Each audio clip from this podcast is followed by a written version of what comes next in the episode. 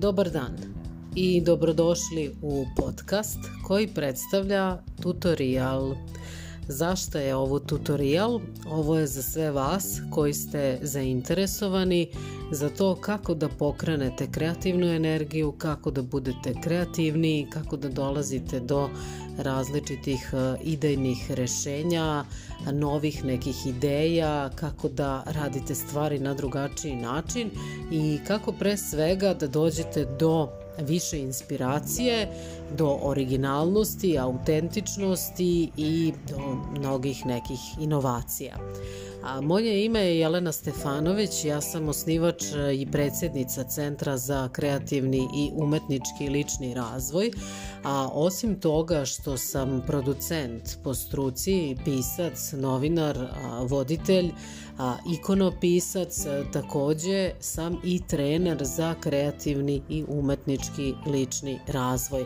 Odnosno sva moja zalaganja skoro čitavu deceniju nazad su upravo usmerena a, u tom pravcu da se kreativni potencijal individue razvije do nekog optimuma i da čovek e, dođe do te samoaktualizacije, da živi jedan uspešniji, zadovoljniji, znači da bude zadovoljniji i da postiže mnogo više rezultata sa mnogo manje utrošene energije i mnogo manje napora. A današnja tema ovog tutoriala, odnosno prva tema, prva lekcija praktično, jeste kako da pokrenemo kreativnu energiju. I često se pitamo kako da je pokrenemo uopšte i šta je to što mi možemo da učinimo da bismo bili kreativniji. A, međutim, nekada to čak deluje da moramo da čekamo da nas poseti neka muza ili neko drugo bestelesno ili tajanstveno biće, da nam šapne ono što ćemo mi posle da pretočimo u realnost, jer upravo svi ti putevi kreativnosti jesu nekako tajanstveni, kose se sa logikom i sa nekakvim pravilnostima i zakonitostima, pa je onda često teško čoveku da uopšte uđe u neki šablon i da zna šta to treba da radi da bi se sada ta ideja pojavila.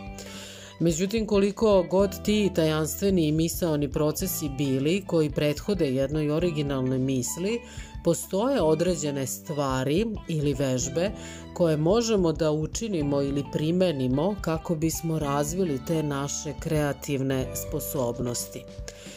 I prva na listi od tih vežbica jeste definisanje cilja. A šta to znači? To sad može ovako da zvuči više onako poslovno, ali zapravo predstavlja određivanje tačnog cilja u kome se krećemo. Da li pravimo projekat? Da li želimo da budemo kreativniji u poslu? A, da li tu treba da dođemo do nekih drugih kreativnih rešenja ili da smislimo nešto novo? Da li imamo neki hobi koji bismo hteli da unovčimo i da ga pretvorimo u posao? Da li su to neki odnosi ili recimo neko umetničko delo? Znači to je sve što predstavlja naš cilj. Znači šta je to što mi hoćemo da uradimo?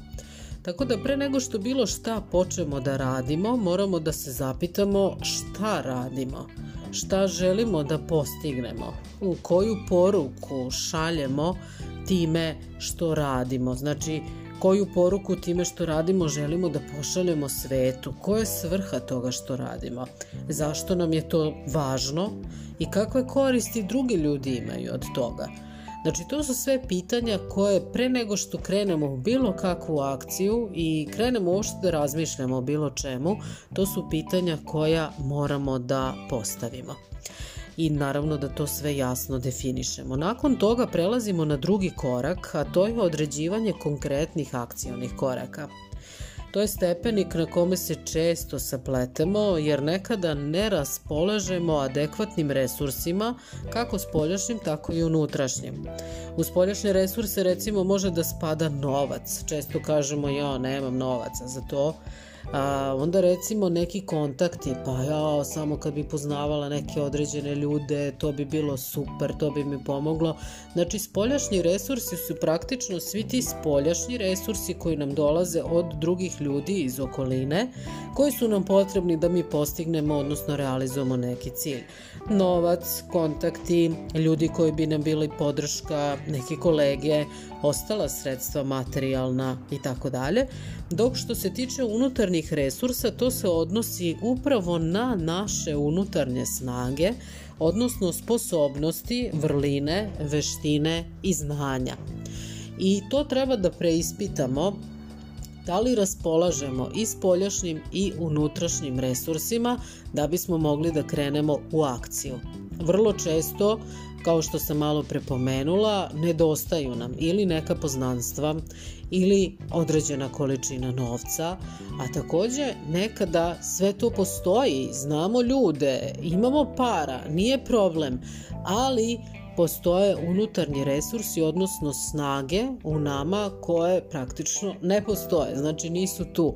Da li je to određena veština, da li je to neka vrlina, da li je to određeno konkretno znanje i onda praktično pre bilo kakve a, realizacije treba da se pozabavimo da to što nam praktično nedostaje od tih spoljašnjih i unutarnjih resursa, da prvo to postignemo, da li to da idemo da se dodatno negde edukujemo, da vidimo kako ćemo da dođemo do novaca, znači praktično da razradimo tu planove što se toga tiče i da sebe osnažimo i s polja i iznutra. A često nam nedostaje recimo nešto poput upornosti, discipline, požrtvovanosti, temeljitosti. Temeljitost je inače vrlina koja se jako redko nalazi u današnje vreme. Svi su površni, svi bi nekako brzo sve da postignu ono na klik, može ovako onako. Profesionalnost recimo prema onome što radimo, prema drugim ljudima, to je isto često nešto što danas nedostaje Iza toga stoji poštovanje, a iza toga stoji ljubav, tako da praktično ako nemamo ljubavi, nemamo ni poštovanja, onda nema ni profesionalnog odnosa i onda to zapravo ispava da, da se otaljava stvar, a to nikad nije dobra osnova za bilo šta što radimo. Nekad nam nedostaje to znanje, stručnost, dodatne edukacije. I nije redko ni da nemamo dovoljno sigurnosti ni samopouzdanja, pa zbog toga odustajemo ili recimo ne verujemo u ostvarenje cilja i pre nego što smo uopšte krenuli ka njemu. I ovde najbolje rezultate daje vođeno pisanje dnevnika, o čemu često pričam uz trenera, koji će vam pomoći da sagledate razloge zbog, zbog kojih imate takvu sliku o sebi. Zašto imate niz, nisko samopouzdanje? Zašto vam nedostaje sigurnost? Zašto ne verujete da ćete nešto uspeti da uradite ili da će vaša ideja da zaživi? Znači, iza svakog stava praktično postoji niz nekakvih razloga koje mi vidimo kao realne i koje bukvalno podupiru taj stav na isti način kao što one nogice od stola podupiru i drže ceo sto. A, činjenica je da je to zapravo vrlo jako, vrlo, jako važan segment rada, jer što više čistimo a, naše srce i naš um, a, to više boljih ideja imamo, odnosno što je a, bogatiji unutarnji svet a, koji postoji kod nas, a, to će biti i bogatije naše stvaralaštvo, odnosno a, bez obzira o čemu je ovde da pričamo, da li pričamo o umetničkom delu ili pričamo o nekoj ideji koja treba da zaživi. A trener nam takođe pomaže i da uspešno pređemo stepenik po stepenik ka već postavljenom cilju, tako što zapravo vrši superviziju i ispred nas postavlja nove izazove zahvaljujući kojima mi pomeramo granice. Jer nismo nekako kadri da to sami sa sobom a, postignemo. Prvo zato što smo emotivno upleteni i često se nekako zbunimo, a druga stvar što lako sebe možemo da prevarimo, a, pa damo reč pa ne uradimo nešto, pa nam nedostaje disciplina. Sa trenerom kao supervizorom, to izgleda potpuno drugačije a bez toga svega jednostavno nema, nema rasta bez pomeranja tih granica. A, da bismo oslobodili kreativnu energiju, neophodno je i da aktiviramo desnu hemisferu mozga. Sa njom zapravo vidimo drugačije veze i načine da složimo slagalicu u odnosu na uobičajeni način kome pribegavamo dok se fokusiramo na problem i pristupamo mu analitički. A, kako da aktiviramo tu desnu hemisferu, to ćemo već da govorimo a, drugi put u narednom a, tutorijalu, ali nadam se da vam je za početak ovo bilo onako vrlo jasno i konstruktivno i naravno očekujem vaša pitanja, očekujem vaše sugestije, Ja sam već sprovela određenu anketu, tako da već znam otprilike u kom smeru idemo i šta je ono što vam je najbitnije, ali naravno to se dok ja radim ove tutoriale gradi i menja i oblikuje tokom vremena, tako da slobodno ostavite komentare, postavljajte pitanja, i naravno upadajte u našu grupu Centra za kreativni umetnički lični razvoj a, gde imate sve zadatke, gde blagovremeno možete da radite i da se pomerate mic po mic ka onome upravo što želite jer tu imate kontinuirani rad i kontinuirano vođstvo, a u toj zatvorenoj Facebook grupi to je besplatno. Naravno postoje i plaćeni programi, ali to je upravo za sve one koji žele još dublje i više da rade i da sebe upoznaju baš dobro. Tako da, ako hoćete bar malo da vidite kako to izgleda i da okusite, upadajte u grupu. Grupa se zove Centar za KLR, crtica umetnost leči dušu. Za sva dodatna pitanja pišite mi na mail umetnikduše.gmail.com To bi bilo sve za danas i do narednog tutoriala i podcasta. Puno vas pozdravljam.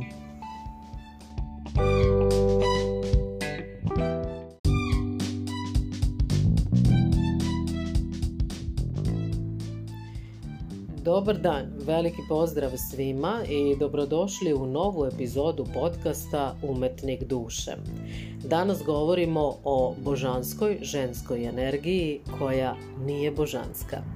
Moje ime je Jelena Stefanović, ja sam pisac, speaker, producent, osnivač i predsednica Centra za kreativni umetnički lični razvoj i pionir kreativnog coachinga kod nas. Na samom početku ove epizode hoću da se obratim svima vama koji su se žalili da ne mogu da čuju dobro ovo što ja govorim zbog muzike u pozadini, a, pa samo hoću da objasnim, znači većina vas je zapravo rekla i glasala za muziku jer im to baš znači da održe i pažnju i tako dalje, ali bilo je i oni koji su rekli da je muzika u pozadini preglasna, Pa zato i hoću da objasnim da je sam program takav da on određuje jačinu muzike u pozadini, koliko će ona biti glasna, da je do mene lično ja bih je svakako stišala, a, a inače ne bih volela da a, ostavljam tako da preslušavate samo ono što bi se reklo na suvo bez muzike iz jednog prostog razloga zato što mesto na kome ja živim je izuzetno bučno, čuju se i tramvaji, motori, autobusi, kamioni, svašta nešto.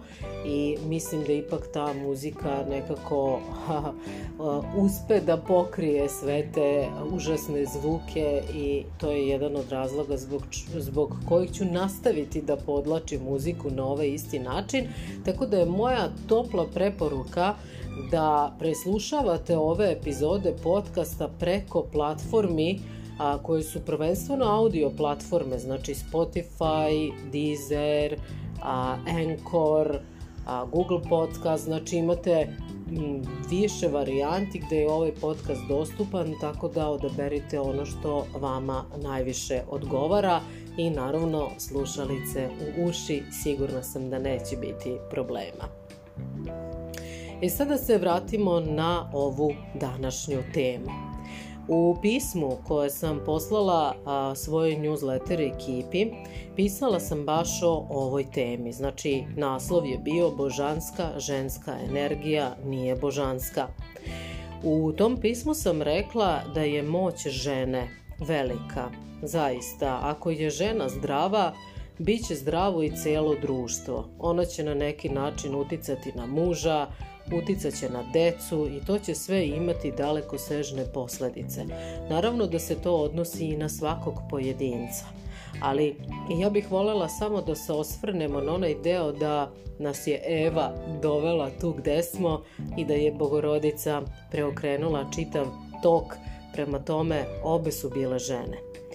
A, I neko će sad možda da kaže da je to u redu, da se slaže sa ovim što sam rekla. Neko će reći da mm, to nije istina, a međutim, bez obzira da li se neko slaže ili se ne slaže, da li neko veruje ili ne veruje, činjenica jeste da je to tako, a, a onaj čije ime ne pominjemo vrlo dobro zna da je to tako a, i zna da ako udari na ženu, samim tim će da oslabi i porodicu, oslabit će čitavo društvo, narod, naciju i na kraju celo čovečanstvo.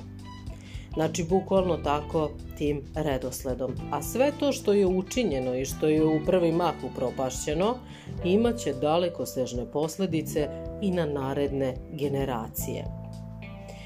I upravo zbog toga Zato se ta mračna strana potrudila da osmisli brojne načine koji će ženu da oslabe, a onda istovremeno da ponudi brojne lekove kako bi se ta nastala trauma na izgled iscelila, ali u istinu još više produbila.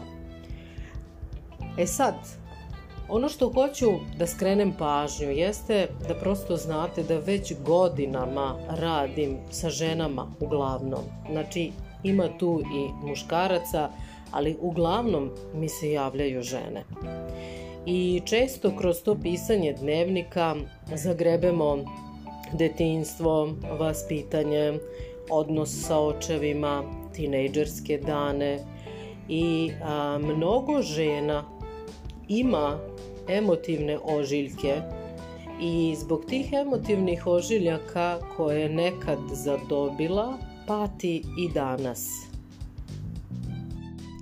Sad recimo možete da se pitate šta je to, pa evo recimo od samog starta nekako nameće se nešto, nekakvi modeli, nekakvi kriterijumi se nameću. Da li je to da jednoga dana kada poraste mora da se uda, mora da ima decu, a da bi se da se ostvari kao majka, da bi uopšte potvrdila da je žena, da bi na neki način dobila tu potvrdu sobstvene vrednosti, a da li je to na neki drugi način da bude obrazovana, a, da, razvi, da ima određenu karijeru, da razvije taj poslovni svoj put do tančina, onako da praktično izigrava jednu hobotnicu i da bude uspešna na svim poljima, da, da, i da bude školovana i da radi, i da ima decu i da pre nego što se zaposli već ima 20 godina radnog staža i iskustva u šest različitih oblasti za koju samo za jednu je potrebno školovanje otprilike oko 6 godina.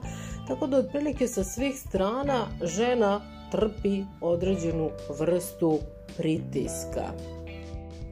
S druge strane, ono što je vrlo često na veliku žalost jeste da u samoj porodici ili u okruženju u najranijem dobu doživi određene stvari, da li je to nekad nasilje u porodici, da li nekad kako posmatra svog oca stiče određenu sliku o muškarcima ili ako recimo svedoči nasilju u porodici, onda se tu stvara određena vrsta gneva, slike prema celokupnom muškom rodu, želja, potreba da se osveti ili recimo već ono kreacija toga u glavi šta će ona jednog dana učiniti da to ispravi kad bude a, bila u mogućnosti.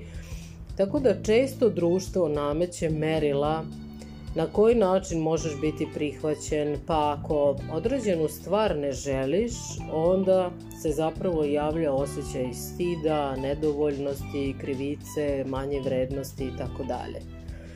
A znam takođe da su neke žene doslovno nastojale da same sebe poružne da nose široke trenerke, kratku kosu, samo da bi ih neko video na pravi način, da ih ne bi gledao kroz prizmu toga da su ženskog roda ili kroz prizmu tog telesnog. Znači, bukvalno e, to, to smo baš imali kroz radionice nekoliko puta da su žene nosile onako velike kabaste stvari da prikriju sve to što su zapravo ženske odlike kako bi ili se sklonile od očiju društva a, ili prosto negde terale inat u smislu vidi me onakva kakva jesam, a ne onako kako izgledam i slično. Znači jedan pokušaj da se ona vidi i doživi kao ljudsko biće sa određenim a, kvalitetima koje posjeduje, a ne da se ocena i etiketa stvara na osnovu izgleda i činjenica da je žena a, odnosno ženskog roda. I a, uz popularizaciju ovih novih tih standarda koje se nameću, a, kada treba stupati u bilo kakve odnose, a sve ono što je načeto u detinstvu, što sam navela, kasnije se zapravo samo produbljuje. A onda žena stvara određenu vezu, odnose, na kojima opet iznova bude, odnosno u kojima opet bude iznova povređena a, i izlazi zato što izlazi ili ne izlazi u susret tuđim očekivanjima. Znači, u oba slučaja ne valja. I sada, kada se u jeku svega ovoga pojavi neka radionica u kojoj se pominje isceljenje ženske energije, osnaživanje ženstvenosti, isceljenje traume ili kako god već, ali da se odnosi na to, naravno da žena u tome prepozna istinu, jer ona zna da je preživela određenu traumu i da je možda i dalje preživljava i da je njoj i tekako potrebno isceljenje. S druge strane, samo povezivanje žena međusobno i to deljenje priča, povezivanje, razumevanje i tako dalje, ono samo po sebi može da bude lekovito, znači mogućnost da ona ispriča i sa nekim podeli tu svoju priču koje veliko verovatnoća takođe nešto slično ili drugačije a, preživeo, tako da ta razmena a, koja se dešava na tim radionicama zapravo ima lekovito dejstvo. To je ono što ima lekovito dejstvo. I to je recimo jedan od razloga zbog čega je i orijentalni ples u nekom trenutku doživeo ekspanziju. Zato što su žene konstantno negde bile podsticane da se takmiče sa muškarcima na taj muški način. A žena nikada ne može biti muškarac, isto kao što muškarac nikada ne može biti žena. Tako da, to su nekde, da kažem, razlozi kako je zapravo to sve nastalo i kako se masovno a, popularizovalo. Međutim, ono što je problematično tu jeste što se kroz sve te edukacije, New Age edukacije, koje se danas organizuju i kroz te radionice, nude se zapravo metode i načini koje ženu još više odvajaju od njene prave prirode, iako izgleda da je suprotno od toga, uvode je u okultno i navode je a, da nauči da se zapravo sva pretvori u čulnost, senzualnost i telesnost od čega je u nekom trenutku bežala. I onda se još dodatno podučava kako da ta telesnost, čulnost, senzualnost, seksualnost bude predmet manipulacije drugim ljudima, uglavnom muškarcima, ali može biti i ženama. Ono što hoću da kažem jeste da to sve u početku može da deluje logično i malo pre sam i rekla koja je ta istina koju negde žene prepoznaju pa se za takve radionice automatski zalepe. Rečenice koje su glavne tu su probudi boginju u sebi. To je recimo najčešća parola koja može da se čuje. Međutim, tu se upravo opet um, upire prstom na ono božansko u nama što je standardna New Age parola, znači po New Age učenju mi svi imamo to božansko u sebi, samo praktično treba negde da ga otkrijemo, da ga osvestimo, nismo ga svesni, a to je potpuno iskrivljenje istine, a, jer a, još jednom da napomenem, čovek jeste i uvek će biti samo tvorevina a to božansko dobija oboženjem kada mu Bog to da nakon što čovek čuva zakon Boži i postupa u skladu sa njegovim zapovestima. Znači ne tako što radi sve suprotno od onoga što je Bog rekao. A Bog je rekao ne čini preljubu, ne poželi ništa tuđe, Rekao je i onda će dvoje biti jedno telo.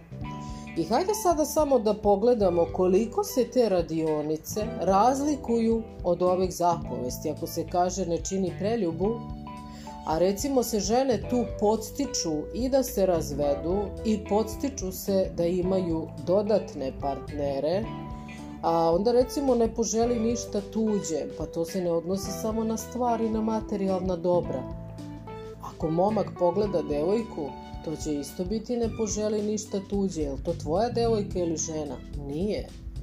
A ista stvar je kad su žene u, u, u pitanju. Prema tome, još sad ovo posebno što sam rekla, neka dvoje budu jedno telo.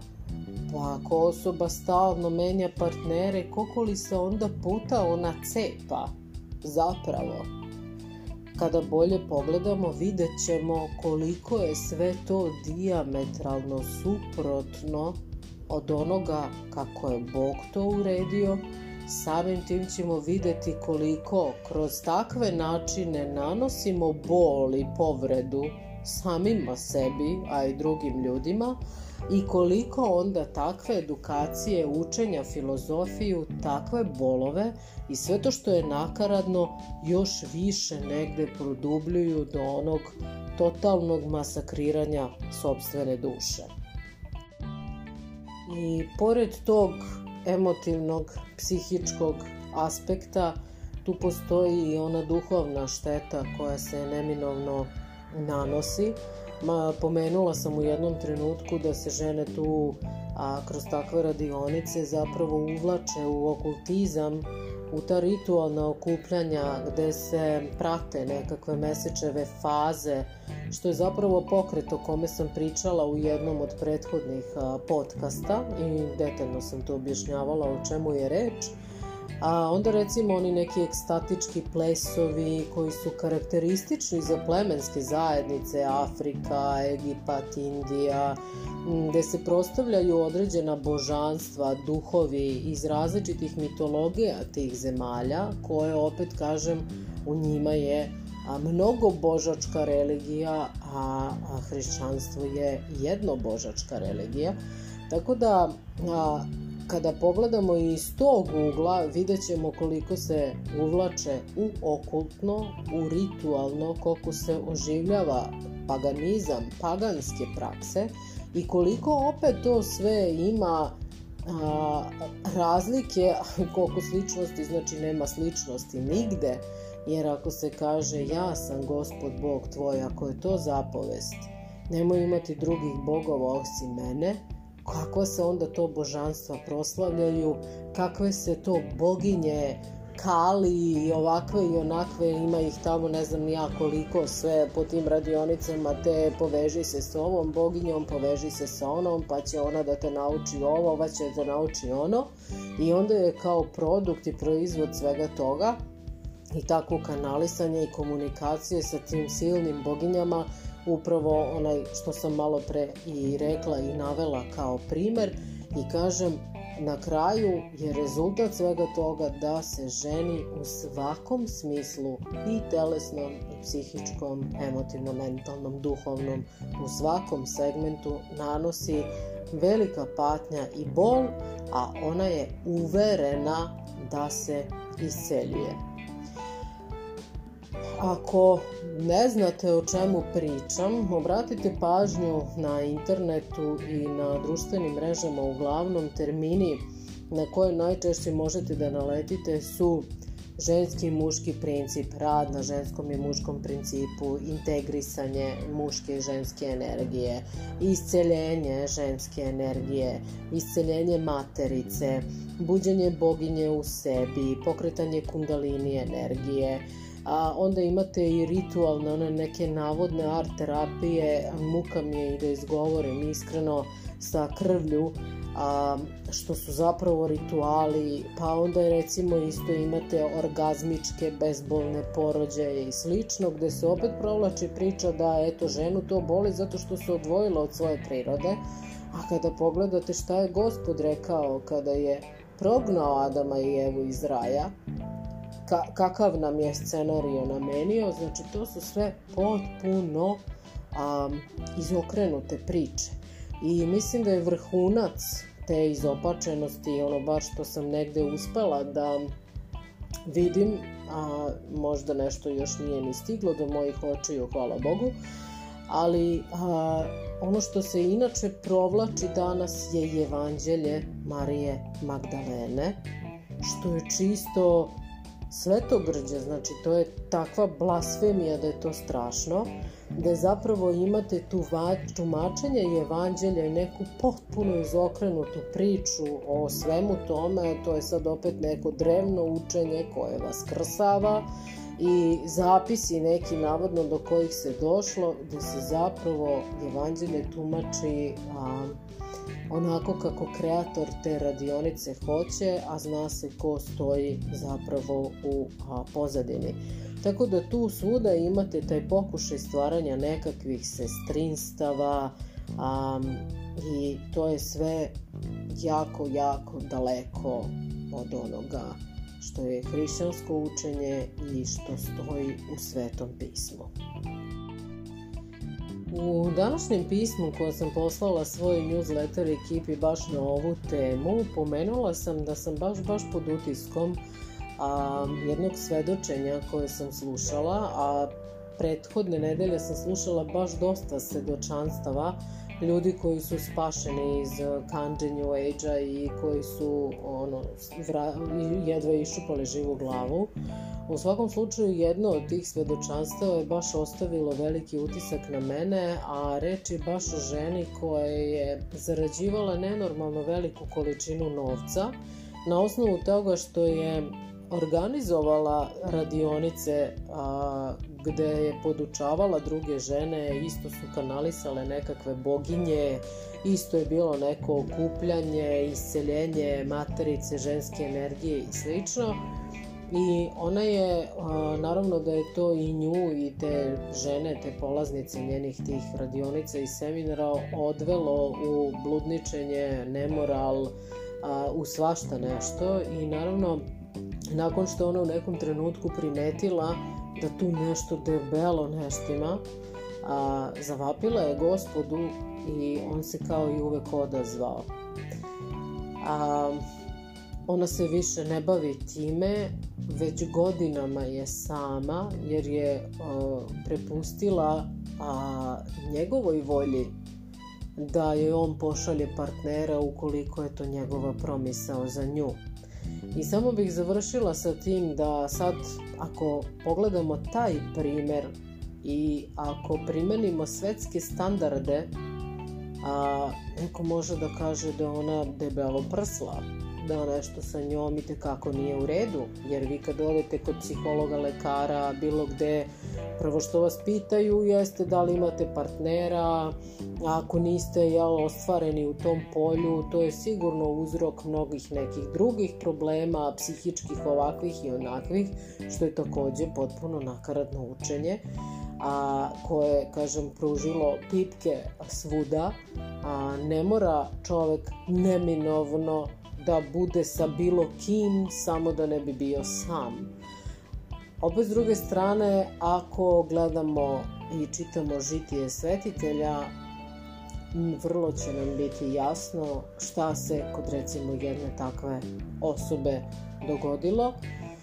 A, i znaćemo na pravi način da protumačimo i ta svedočanstva, a i a, njene reči. Tako da, sa ovim bih zapravo završila ovu današnju epizodu, gde opet kažem, glavna poruka je da a, a, se zna da ta energija koja se naziva božanskom i koja se sve vreme tu tako promoviše, kanališe i ostalo, da ta božanska ženska energija nije božanska. Znači, poreklo joj je uh, nebožansko, da ne koristim neke druge reči. Ono što na kraju želim da vas pozovem, kao i svaki put, ostavit ću link za prijavu. Možete da ostavite svoju e-mail adresu u naznačenom polju da se prijavite na moj newsletter i da svakog ponedeljka dobijete pismo i tekst od mene sa svim novitetima a šta radim i šta planiram a gde uvek objašnjavam neku od tih metoda ili neku temu jel, a, obradim. Tako da newsletter je besplatan sadržaj, možete ostaviti svoj mail i odmah potvrditi da ste to vi uradili kako biste narednog ponedeljka primili moj tekst. Do narednog teksta, videa ili podcasta, a puno vas pozdravljam i svako dobro želim.